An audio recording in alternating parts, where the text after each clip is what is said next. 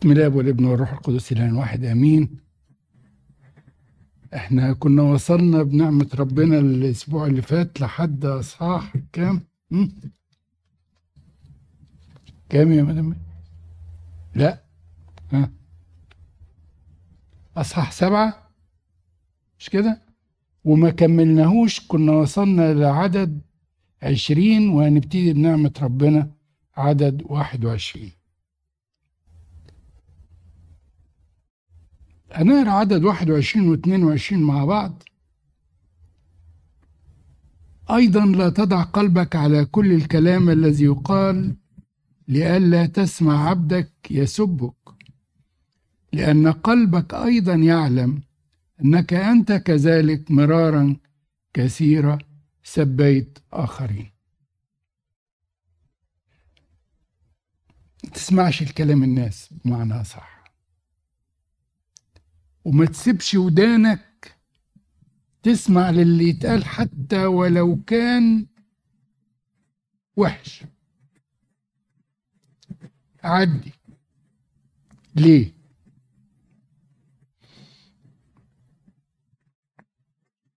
لأن لو قالوا وحش فراجع نفسك. لو قالوا حلو ما تقبلش. سيبه أعطي مجدا لله. لأن الحلو اللي فيا ليس بقوتي ولكن من مين؟ ده نعمة من عند ربنا. لو فيا وحش يبقى أنا هصلح نفسي. وحتى ولو قالوا وحش أنسى من قال وأبص لنفسي وأشوف يمكن فعلا الكلام اللي اتقال ده. هو صح. دي معناها إيه؟ معناها ان أنا بسلك حياة اتضاع مش لو قالوا وحش لا ده أنا كويس وابتدي عارض سيبوا يقولوا اللي يقولوا. إن كان صح يبقى صحح نفسي وإن كان خطأ فأسيبهم. نقرا عدد 23 كل هذا امتحنته بالحكمة. قلت أكون حكيما. أما هي فبعيدة عني. هو بيقصد هنا بالحكمة الإلهية. والحكمة الإلهية لا يمكن أبدا أن إحنا ندركها بإمكانياتنا البشرية. فهي بعيدة. فكل ما أنا أحاول أوصل لها من يستطيع أن يصل إلى ملء قامه المسيح لأن السيد المسيح زي ما قلنا المرة اللي فاتت هو إيه؟ هو أقنوم الحكمة. هو أقنوم الحكمة. فلما بيتكلم هنا عن الحكمة الإلهية يعني بيتكلم على أقنوم الحكمة فإذا كنت تريد أن تكون حكيما فمش هتقدر توصل لكن اسعى حتى تصل إلى كمال هذه الحكمة. بعيد ما كان بعيدا والعميق لعميق من يجده. درت أنا وقلبي لأعلم ولأبحث ولأطلب حكمة وعقلا. ولأعرف الشر أنه جهالة والحماقة إنها جنون. طبعا سليمان بيتكلم عن اختباراته في حياته. ربنا عطاله حكمة. لكن في فترة من الفترات ضعف سليمان وابتدى يسلك سلوكيات مع أهل العالم. وطبعا كان التمن غالي جدا. إنه وصل إنه بيبخر للأوثان. وقضى فترة من عمره كانت صعبة جدا مع النساء الأجنبيات. وده اللي خلاه في الآخر يكتب سفر الجامعة ويقول باطل الأباطيل الكل باطل وقبض الريح ولا منفعة تحت الشمس.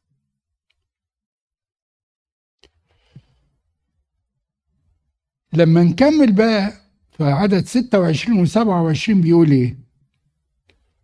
بيأكد الخبرة بتاعته اللي كانت سبب تعبه ومأساته. اتفضلي.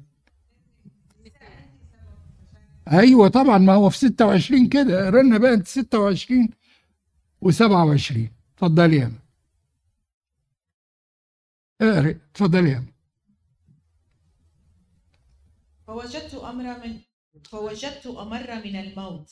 المرأة التي هي شباك وقلبها أشراك ويداها قيود. الصالح قدام الله ينجو منها أما الخاطئ فيؤخذ بها. انظروا هذا وجدته قال الجامعة واحدة فواحدة لأجد النتيجة التي لم تزل نفسي تطلبها فلم أجدها. رجلا واحدا بين ألف بين ألف وجدت. أما امرأة فبين كل أولئك لم أجد. خبرته خبرته الآيتين دول الثلاث آيات دول 26 لحد 28 بيأكد الجزء اللي فات إنه لأنه مشي مع نساء أجنبيات كتير واتجوزهم وكانوا سبب سقوطه وعبادته لتبخير بخر للأصنام. وهو نفسه بيعترف بأن ده كان خطأ. في لحظة من لحظات حياته. وبعدين بيقول وبيأكد حاجة إنه بين كل النساء لم يجد واحدة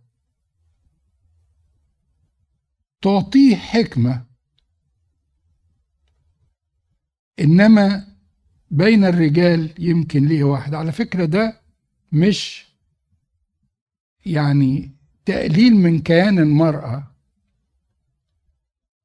لكن هو بيقول المرأة الشريرة اللي تقدر اللي خدته وأبعدته عن طريق الله. لكن ياما نساء كثيرات قديسات وخدوا ناس وصعدوا بيهم إلى أعلى السماء وكانوا نماذج فعلا نقية وطهرة وطبعا على رأسهم كلهم من العذراء. انظر هذا وجدت فقط أن الله صنع الإنسان مستقيما أما هم فطلبوا اختراعات كثيرة. الآية دي بت... بترجع بينا لسفر التكوين. أن الله صنع الإنسان مستقيما. مقصود بالإنسان هنا مين؟ آدم وحواء الاثنين. فصنع الإنسان الرجل والمرأة مستقيمين.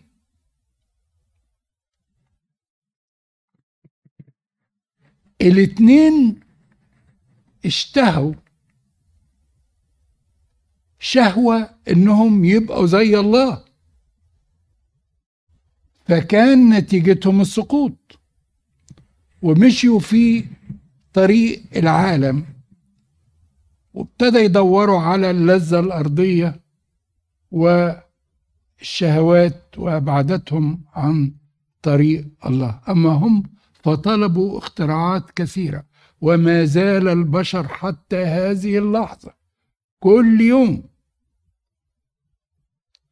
بيفكر فيما هو جديد وفي في متعة وراحة ويفكر في اختراعات كثيرة. ناخد أصحاح تمانية. وأصحاح تمانية بيبتدي بالآية من كالحكيم ومن يفهم تفسير أمر حكمة الإنسان تنير وجهه وصلابة وجهه تتغير. تكلم على تأثير الحكمة على الإنسان لو سلك في هذه الحكمة. أول حاجة الحكمة تنير الوجه.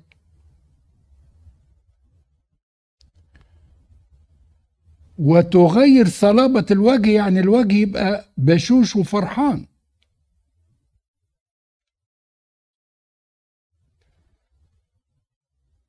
هذه الحكمة اللي هي منين؟ التي تنير الوجه من الله لأنه لن يستطيع أن يعطي نورا إلا الذي خلق النور وهو الله اللي قال إيه؟ أنا هو نور العالم. فالإنسان الحكيم الذي يسلك في الحكمة يعني يسلك في طريق الله. والمقصود هنا على فكرة بالحكمة الحكمة الله والحكمة كسلوك لله. فمن يسلك في طريق الله ينير وجهه. عشان كده القديسين بنرسم حواليهم هالة من النور. ليه؟ لأن نور الله على وجوههم. وبعدين مفيش تكشيرة. التكشيرة بتروح ليه؟ لأنه فرحان من جوه عنده أمل وعنده رجاء عنده أمل في ربنا فرحان بربنا. فلماذا يتكدر ويكشر ويبقى شكله كده عابس؟ لا. بولس الرسول بيقول إيه؟ افرحوا في الرب كل حين وأقول أيضا افرحوا. حد يقرا لنا من اتنين من عدد اتنين لعدد خمسة أصحاح تمانية.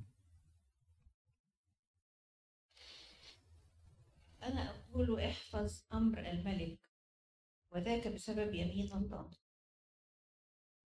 لا تعجل إلى الذهاب من وجهه لا تقف في أمر شاق لأنه يفعل كل ما شاء.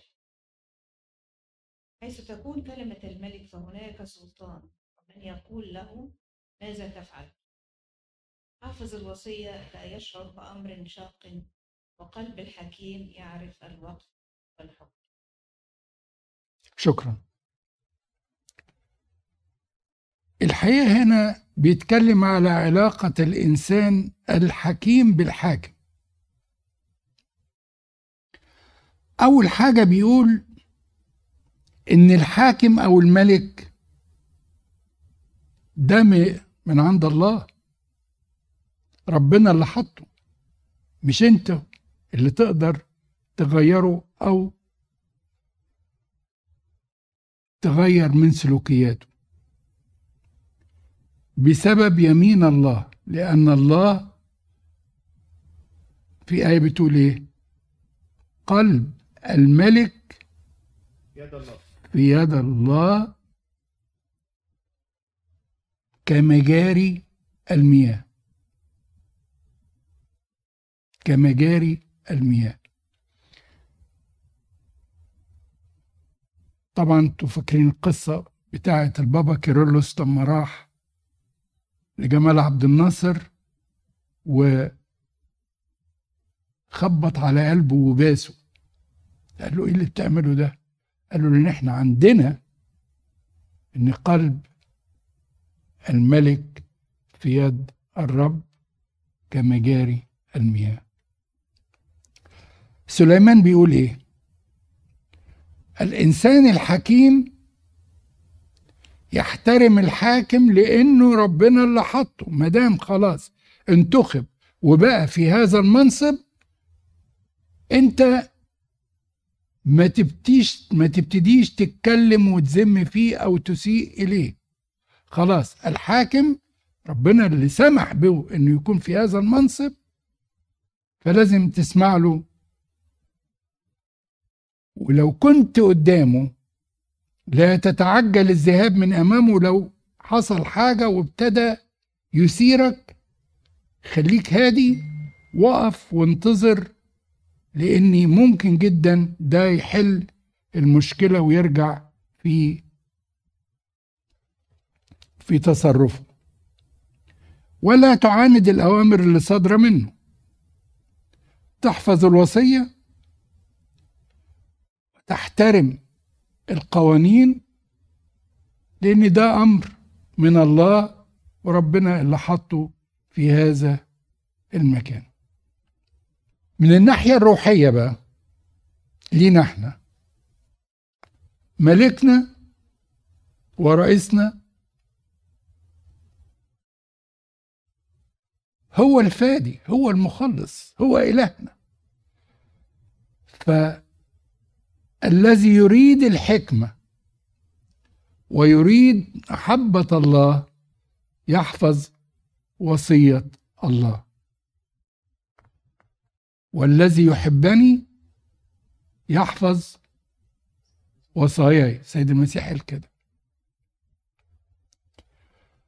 قد تكون الوصية صعبة.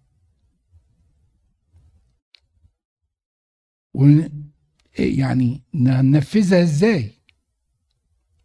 لكن لأنه هو له سلطان ومقدرة فإذا سلمنا له هو اللي هيساعد على إن إحنا نستطيع أن نسلك في الوصية حتى ولو كانت صعبة. يعني وصية محبة الأعداء مين يقدر ينفذها بدون عمل ونعمة ربنا. إزاي هيحب الأعداء بدون إنه يكون عنده محبة داخلية واحتمال ورحمة للآخرين ويبتدي يديهم أعذار. لن يستطيع ان يصل إلى ذلك إن لم يكن في علاقة مع الله هو عارف إن الفترة اللي على الأرض دي فترة انتقالية. طب هيعادي الناس ليه؟ خلاص. هين العداوة لها مجالها ويمكن لما أنا اعامله معاملة كويسة يبتدي يبقى إنسان كويس. لأن لكل أمر وقتا وحكما لأن شر الإنسان عظيم عليه. لأنه لا يعلم ما سيكون. لأنه من يخبره كيف يكون. ليس لإنسان سلطان على الروح ليمسك الروح ولا سلطان على يوم الموت ولا تخلية في الحرب ولا ينجي الشر أصحابه.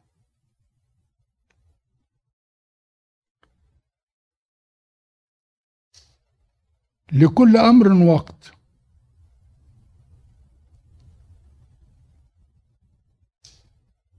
وحكم.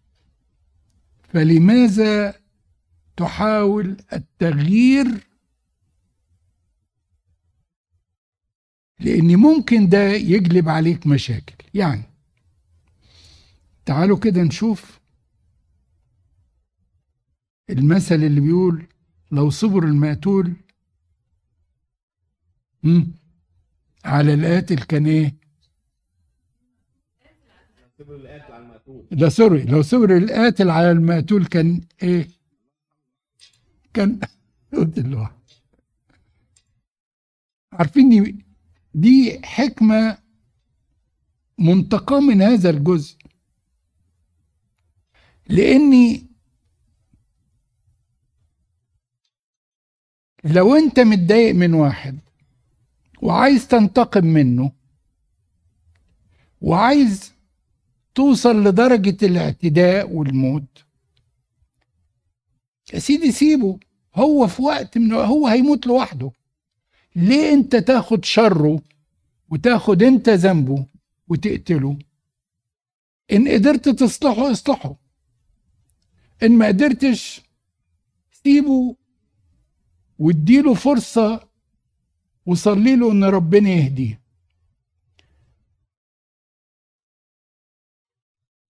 لأني الإنسان ليس له سلطان على الروح ولا يوم الموت. يعني إيه؟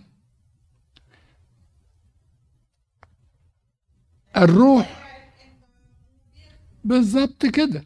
سيبوا لربنا يتصرف معاه وهو في لحظة من اللحظات هو هيسيب العالم لوحده تلقائي. ليه أنت تعمل عداوة وتكون انت بالظبط كده حامل ذنب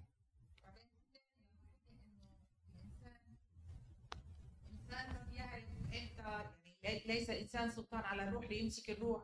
هذه أنا برأيي الشخصي ما بعرف. في لها تفسير ثاني إنه كمان إحنا يعني مش الأشرار خلينا نقول جزء اشرار أها. كمان بخلينا نخاف. يعني الله بخلينا نخاف وبيعطينا مجال إنه لأنه ما حدا بيعرف يمكن هلأ بتكتها الواحد. بالظبط كده. ضلنا نطلع عليه ونقول يا رب ما نحود شمال ولا يمين يعني عم يعطينا فرص لأنه ما حدا بيعرف إمتى بيخلص عمره نكون مستعدين. نكون مستعدين. نكون مستعدين.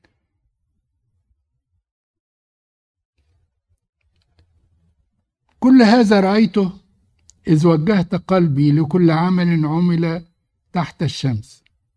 وقتما يتسلط إنسان على إنسان لضرر نفسه.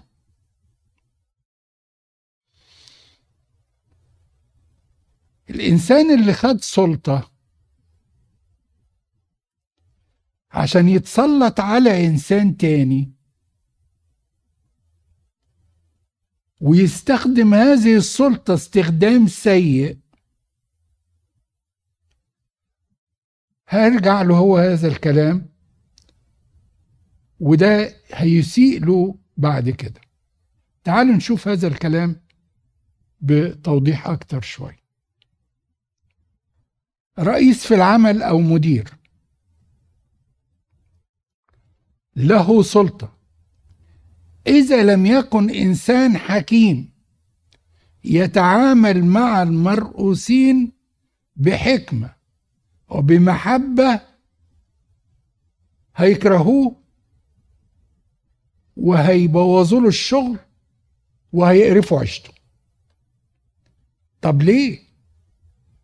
ما أنت ممكن جدا بمحبة وبهدوء وباسلوب لبق تقدر تاخد أحسن إنتاج من ال- الناس اللي معاك دول.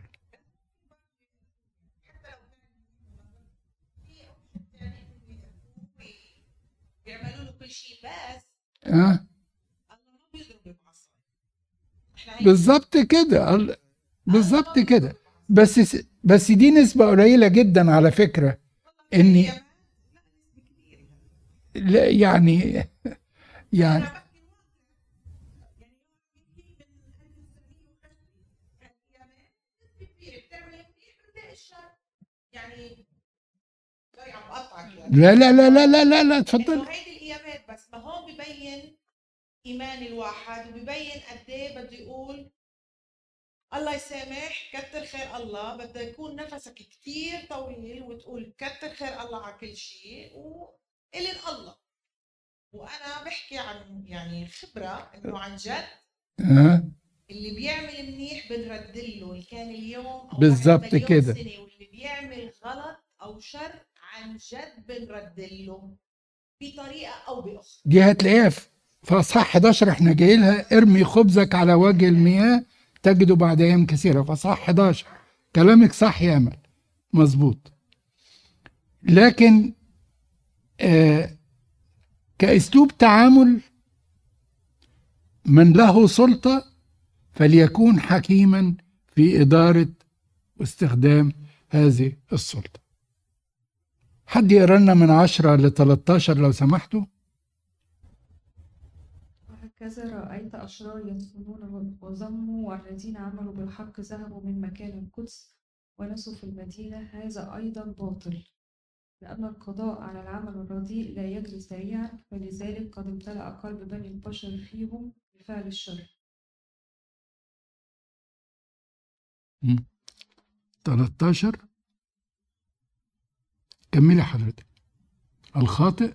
ولا يكون الخاطئ وإن عمل شرا مائة مرة وطالت أيامه إلا أني أعلم أنه يكون خيرا للمتقين الله الذين يخافون يخافون قدامه. ولا يكون خيرا للشرير وكالظلم لا يطيل أيامه لأنه لا يخشى قدام الله. باختصار شديد خالص الأشرار بيدفنوا ويضموا وينتهوا وتاريخهم بينتهي. مهما فعل من ظلم ومن شر النهاية إنه هينتهي.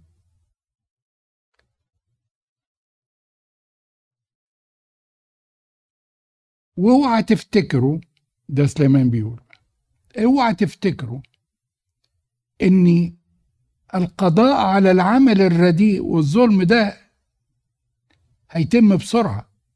لا ده أحيانا ياخد سنين وياخد وقت طويل لأن الله قد يطيل أناته حتى يرجع هذا الإنسان عن شره. الخاطئ وإن عمل شرا مئة مرة وطالت أيامه. إلا إنه إيه؟ إلا إني أعلم ده سليمان بيقول إني أعلم أنه يكون خير للمتقين الله الذين يخافون قدامه. لأن الخاطئ يعمل الخطية ويكررها يستمرئ الاسم كالماء. إنما الإنسان الذي يتقى الله لا. يحط حد ويبتدي يتوب. فلا تغار من الشرير الذي يستمر في شره وتطول أيامه. يوجد باطل يجرى على الأرض. أن يوجد صديقي صديقو صديقون يصيبهم مثل عمل الأشرار ويوجد أشرار يصيبهم مثل عمل الصديقين. فقلت أن هذا باطل. بنشوفها كتير. بتشوفوها كتير. إنسان كويس وصالح وبيعمل. سلوكه كويس ولكن بيواجه أمور صعبة زي الأشرار. والعكس صحيح. ليه؟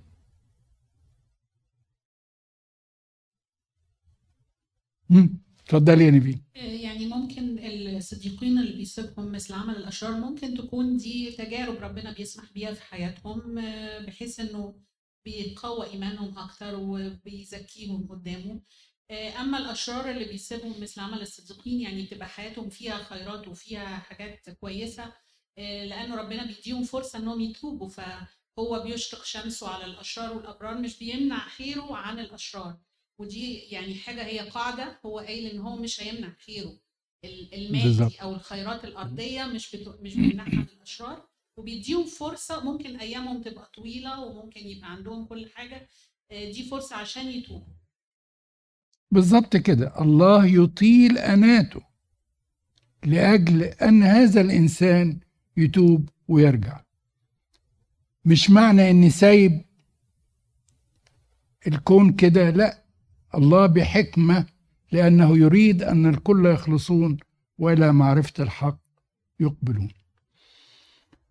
تعالوا نقرأ من 15 ل 17 اتفضل يا ريم. فمدحت الفرح لأنه ليس للإنسان خير تحت الشمس إلا أن يأكل ويشرب ويفرح وهذا يبقى له في تعبه مدة أيام حياته التي يعطيه الله إياها تحت الشمس. يعني أسمع منكم. يعني ناكل ونشرب وخلاص يعني. مم.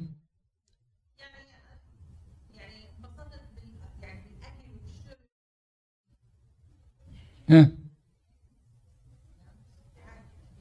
انبسطت بالأكل وبالشرب وبهيدي الأشياء الدنيوية خلص هيدا هو اللي اخذته من هون يعني. إذا كل اهتم... أنا هيك بفكر إنه كل اهتمامك إنه تحت الشمس مثل ما حكيت مرة الماضي إنه بيقصد بالأرض. بالضبط كده. فإنه بالأرض يعني هيدا كل اللي رح تاخده. إذا هيدا كل اهتماماتك إنه الأكل والشرب والفرح أوكي خذ الأكل والشرب والفرح تحت الأرض. بس هذا ما راح يوصلك لا بس لما تكملي في الآخر بيقول لك إيه؟ أيام حياته التي يعطيه. عطية من الله بالظبط. كده واشكر لأنها مصدر من الله وعطية من الله فرق كبير جدا بين إنسان إنسان حكيم إنسان يحب يحب الله ويعيش تحت إرادته وسلطانه فبيتمتع. نعمة من عندك يا رب. كل ما أعطيتني هو ملكك أنت. أشكرك. نشكره على كل حال ومن أجل كل حال وفي كل حال. اتفضل. بدي أسألك سؤال. معلش يعني بس. إنه الايه اللي قبلها أيوه مم. هو هيدا إنه لما كنا عم نحكي إنه الله وطول أناته وإنه بيعطي للإنسان الشرير فرص مثل ما حكى نبيل هون إنه على أساس يرجع والمنيح عم يعني عم ياكلها. أوكي؟ هلأ إحنا ما فينا ما فينا بما إنه الله بده كل أولاده يخلصوا ماشي الحال بس كمان طيب شو ذنب هال هالإنسان المنيح إنه ياكلها من الشرير؟ كثير علشان الشرير ياخذ فرص تاني. عشان الشرير ياخد فرص تاني. يعني أنا منيحة وادميه وهي عاطله بس على لأنه it's from this هي إنسانة مش منيحة. هلأ الله عم يعطيها فرصة إنه تصير منيحه عشان هيك عم بيعطيها وقت أكثر وهي كل ماله عم بتزيد بالشر علي أنا. وأنا المنيحة وعم ضلني ساكتة. طب ليه أنا بدي إنه؟ لأنه أنا منيحة. وادميه وأكيد يعني بزيد إيماني وبده الله يجربني وبده كل شيء طب وهذا الشرير اللي قاعد يصور ويجور ويعمل كل هالشيء عشان الله يرده على حسابي أنا؟ اختلفنا. بس بعد ما يكون عذبني هالقد وآخر شيء بيجي الشرير بيقول يا رب سامحني يا رب سامحني هلا أنا بالنهاية بالنهاية يعني بالنهاية هي حكمة الله وبالنهاية كل واحد هو إيمانه you know? بس إنه بيجي الشرير بيقول يا رب سامحني وبيرجع لله okay و... و... ورجع وصار مع ربنا وتاب طب ما أنا تعذبت على الأرض والتعب أبو سلافه من هالشرير طب بس بعد كل الشر اللي عمله أيوه بس أنت خدت. كريدت أنت. خدت كريدت عند ربنا ماشي يا. بس في ملحوظة بس عايز أقولها. طب قبل ما نبتدي ناخد الحوارات أحب أوضح حاجة بس معينة. الله ليس عنده شر ولا يجرب بالشر. خلي بالكم. الله كلي العظمه والمحبة والرحمة. كل ما عنده حسن وخير. حتى الموت ليس من عند الله. اقرأ في سفر الحكمة. ربنا مش اللي خلق الموت. ربنا لم يخلق شر. الشر الشر أساسه الخطية. والخطية مصدرها مين؟ إبليس الشيطان. الله قد يسمح يسمح بإبليس إنه يجرب الإنسان. زي ما عمل مع أيوب. فالتجربة اللي بيسمح بيها الله ليست هي من عنده أساسا ولكن بيسمح لإبليس إنه يعملها. أصل دي هتحل مشاكل كتيرة في حياتنا. لأن المرض ليس من عند الله الله لا ليس عنده شيء ضار. الله كل ما عنده إيه؟ خير لأنه صانع الخيرات. إنما طب الحاجات دي منين؟ من إبليس. طب إبليس بيجي إزاي؟ حاجتين اتنين. يا إما أنا بديله فرصة وأقول له تعالى أهلا وسهلا. يا إما الله بيسمح له إنه يجربني علشان أنا اتزكى وأنا أبتدي أنقي نفسي. فإذا كان الله بيسيب للشرير إن هو يتمادى واحيانا يخلي الشرير ده يجي علي أنا يأذيني أنا. بيسمح له الله لكن ثقي تماما لحد معين. لحد معين. والله بيقف ويرد. يا إما يرد مباشرة يا إما يديني أنا قوة احتمال يا إما يعمل معايا معجزات زي ما عمل مع كتير من القديسين. يعني بطرس اترمى في السجن وبولس اترمى في السجن. بطرس الملاك جه خده وأنقذه لسبب ما. لكن بولس فضل في السجن مرمي. صح. وهكذا. بولس جات له شوكة في الجسد مرض. ولم يرفعه الله منه. ليه؟ لكي لا يرتئي فوق ما ينبغي. الله بحكمته يدير هذا الكون كله وأنا بإيماني في لي ثقة فيه أنت قادر على كل شيء وأستطيع بك كل شيء أستطيع كل شيء في المسيح الذي يقويني. حتى ولو كان من الأشرار يديني قوة احتمال ينتقم يخلص حقه حقه حقي منهم يا إما يكافئني ويعمل أي عمل فعلا يتمجد فيه معايا ثقي تماما أن الله ما بيسيبش أولاده. اللي في الآية هنا دعوة للفرح. دعوة للفرح. افرح. لأن الله يطلب منا دائما إن إحنا نكون فرحانين. ما دمت تحت الشمس. العطايا اللي اعطيتها أعطاها الله لنا نشكره عليها ونستخدمها لكي تكون سلم لنا إن إحنا نوصل بيه للسماء. مهما تعب الإنسان في الطلب فلا يجده. والحكيم أيضا وإن قال بمعرفته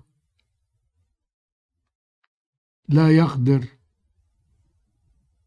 أن يجده ندخل على اصحاح تسعة. لأن هذا كله جعلته في قلبي وامتحنت هذا كله. أن الصديقين والحكماء وأعمالهم في يد الله. الإنسان لا يعلم حبا ولا بغضا الكل أمامه. الحقيقة النص ده فيه غموض شوية. وأثير حواليه تساؤلات كتيرة والمفسرين يعني اختلفوا في تفسيره. منهم اللي قال إن الإنسان المؤمن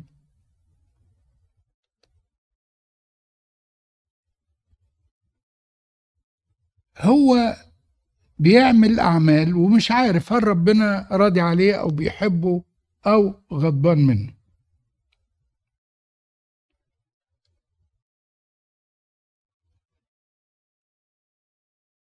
وطبعا الله لا يبغض أحد.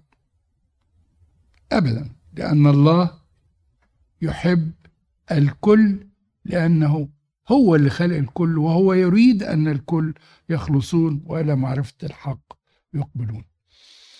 لكن اللي بيأكده الجامعة هنا هو أن جميع الصديقين والحكماء بكل أعمالهم خلي بالكم الحتة دي بكل أعمالهم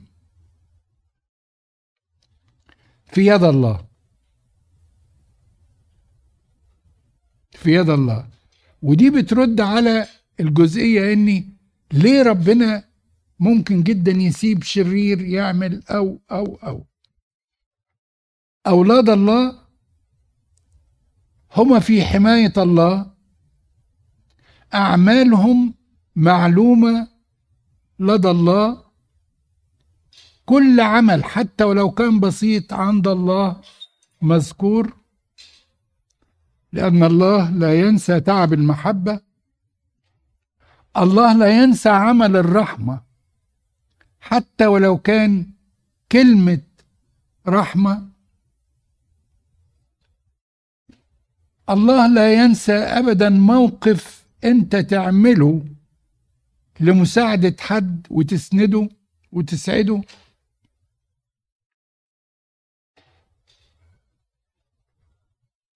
الله ليس عنده حب وبغض للإنسان لأن ده تفكير بشري.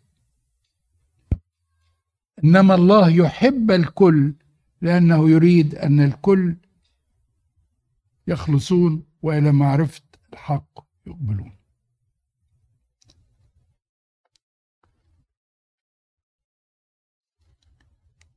الكل على ما للكل حادثة واحدة للصديق وللشرير للصالح وللطاهر وللنجس للذابح وللذي لا يسبح وللذي لا يسبح. كالصالح الخاطئ الحالف كالذي يخاف الحلف. هذا شر كل ما عمل تحت الشمس أن حادثة واحدة للجميع وأيضا قلب بني البشر ملآن من الشر والحماقة في قلبهم وهم أحياء وبعد ذلك يذهبون إلى الأموات. ملخص كله إني الكل لهم حادثة واحدة الكل هينتهي نهاية واحدة. في الظاهر في الظاهر الكل زي بعض لكن ده كله ده تحت الشمس اللي إحنا شايفينه. الكل يستوي اللي بيعمل كويس واللي بيعمل وحش بيموتوا اللي بيذبح بيقدم ذبيحة ما بيقدمش كله زي بعضه. لكن الفرق فين؟ بعد فين؟ فوق الشمس في الأبدية. أما تحت الشمس فالظاهر الكل واحد. لأنه من يستثنى لكل الأحياء؟ يوجد رجاء فإن الكلب الحي خير من الأسد الميت. الإنسان ما دام حي فله رجاء فالله حتى ولو كان خاطئ ومقصود هنا بالكلب يعني الذي يجري وراء الخطية أو يفعل الخطية. فالإنسان الحي حتى ولو أخطأ فله رجاء فالله في انه هيتوب. أحسن من الأسد الميت. الأسد اللي كان فاكر نفسه إنه كيانه كذا وكبرياء اسقطته فبقى شرير ومات فليس له رجعه وليس له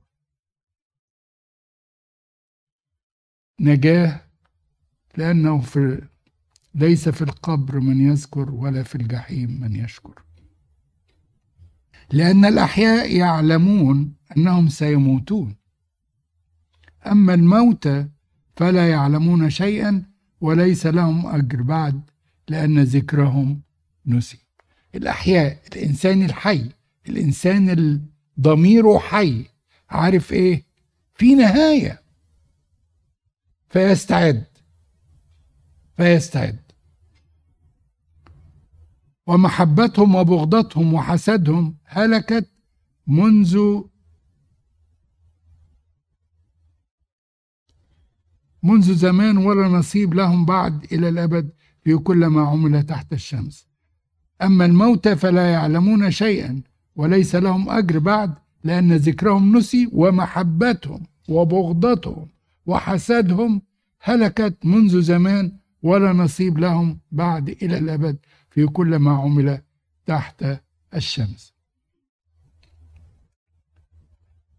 اللي مات ذهب بشره أما الذي فعل الخير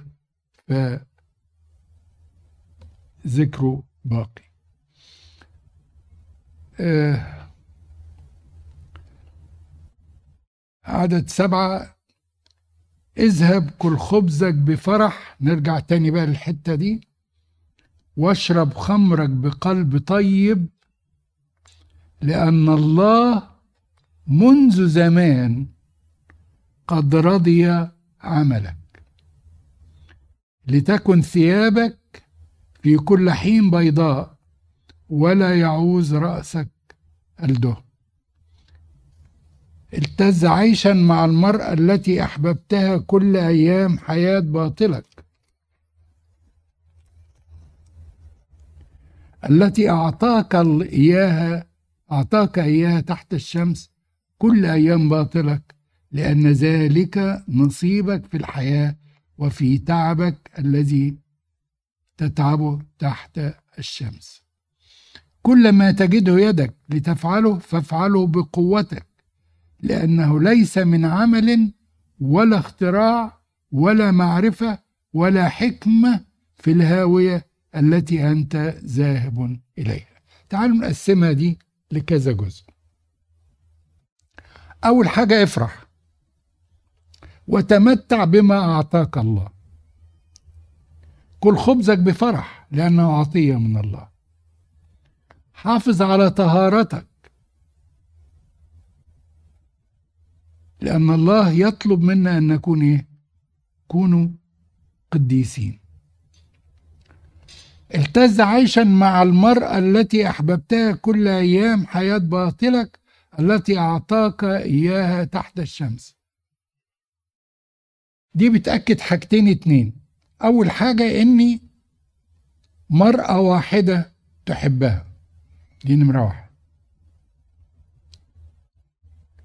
حاجة تانية أن الحياة على الأرض يزوجون ويتزوجون لكن في السماء ما فيش. وده اللي قاله السيد المسيح لما سألوه قال لهم يعيشون كملائكة الله. لا يزوجون ولا يتزوجون. فهو بيقول هنا إيه؟ حياتك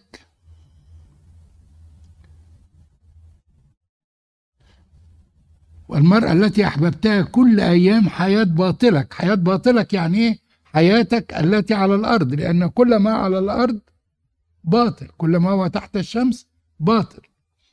التي أعطاك إياها تحت الشمس كل أيام باطلك امرأة واحدة مفيش زواج فوق الشمس أو في الأبدية. كل ما تجده يدك لتفعله فافعله بقوتك. يعني ابذل كل مجهود أن تفعل الخير. طالما في إيدك أن تصنع الخير لأن كل من يستطيع أن يصنع حسنا ولا يصنع فهذا خطية فكل ما إيدك تقدر تعمل خير اعمل. لأن هو ده العمل اللي أنت تتحاسب عليه أما بعد ذلك فإيه؟ مفيش. لأنه ليس من عمل ولا اختراع ولا معرفة ولا حكمة في الهاوية التي أنت ذاهب إليها. اتفضل يا عم. نعم. الآية اللي هي ممكن نطلع. ممكن نطلع بس. فوق الآية اللي هي فيها الخوف.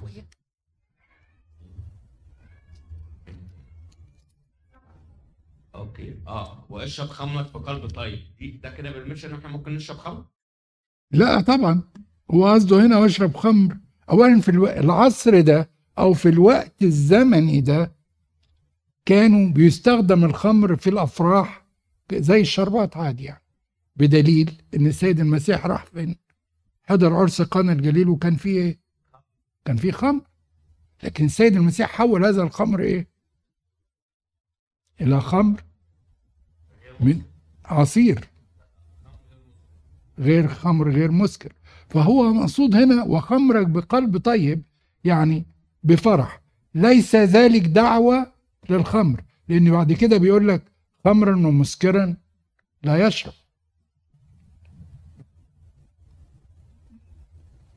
فعدت ورأيت تحت الشمس أن السعي السعي ليس للخفيف ولا الحرب للأقوياء ولا الخبز للحكماء ولا الغنى للفهماء ولا النعمة لذوي المعرفة لأنه الوقت والعرض يلاقيانهم كافة.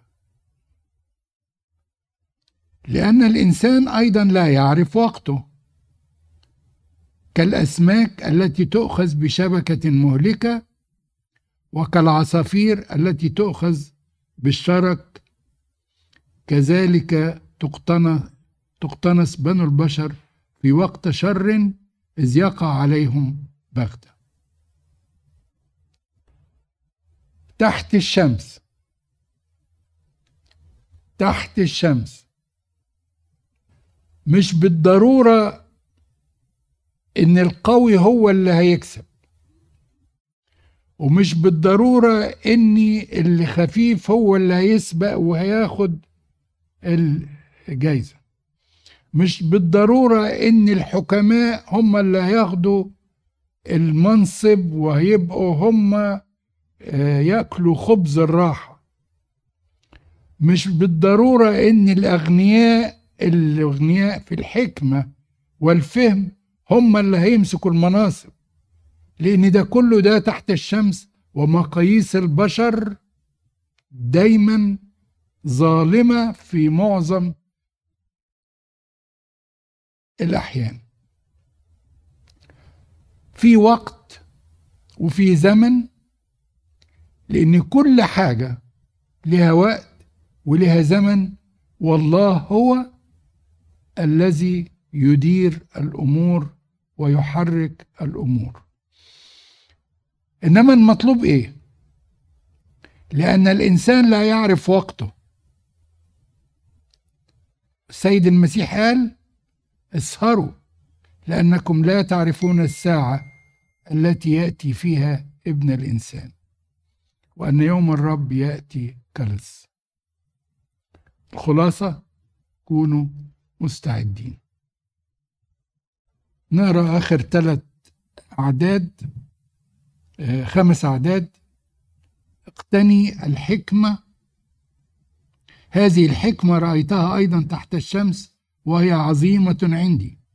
مدينة صغيرة فيها إناس قليلون فجاء عليهم ملك عظيم وحاصرها وبنى عليها أبراجا عظيمة ووجد فيها رجل مسكين حكيم فنجى هو المدينة بحكمته. وما أحد ذكر ذلك الرجل المسكين. عادي. فقلت الحكمة خير من القوة. أما حكمة المسكين فمحتقرة. وكلامه لا يسمع.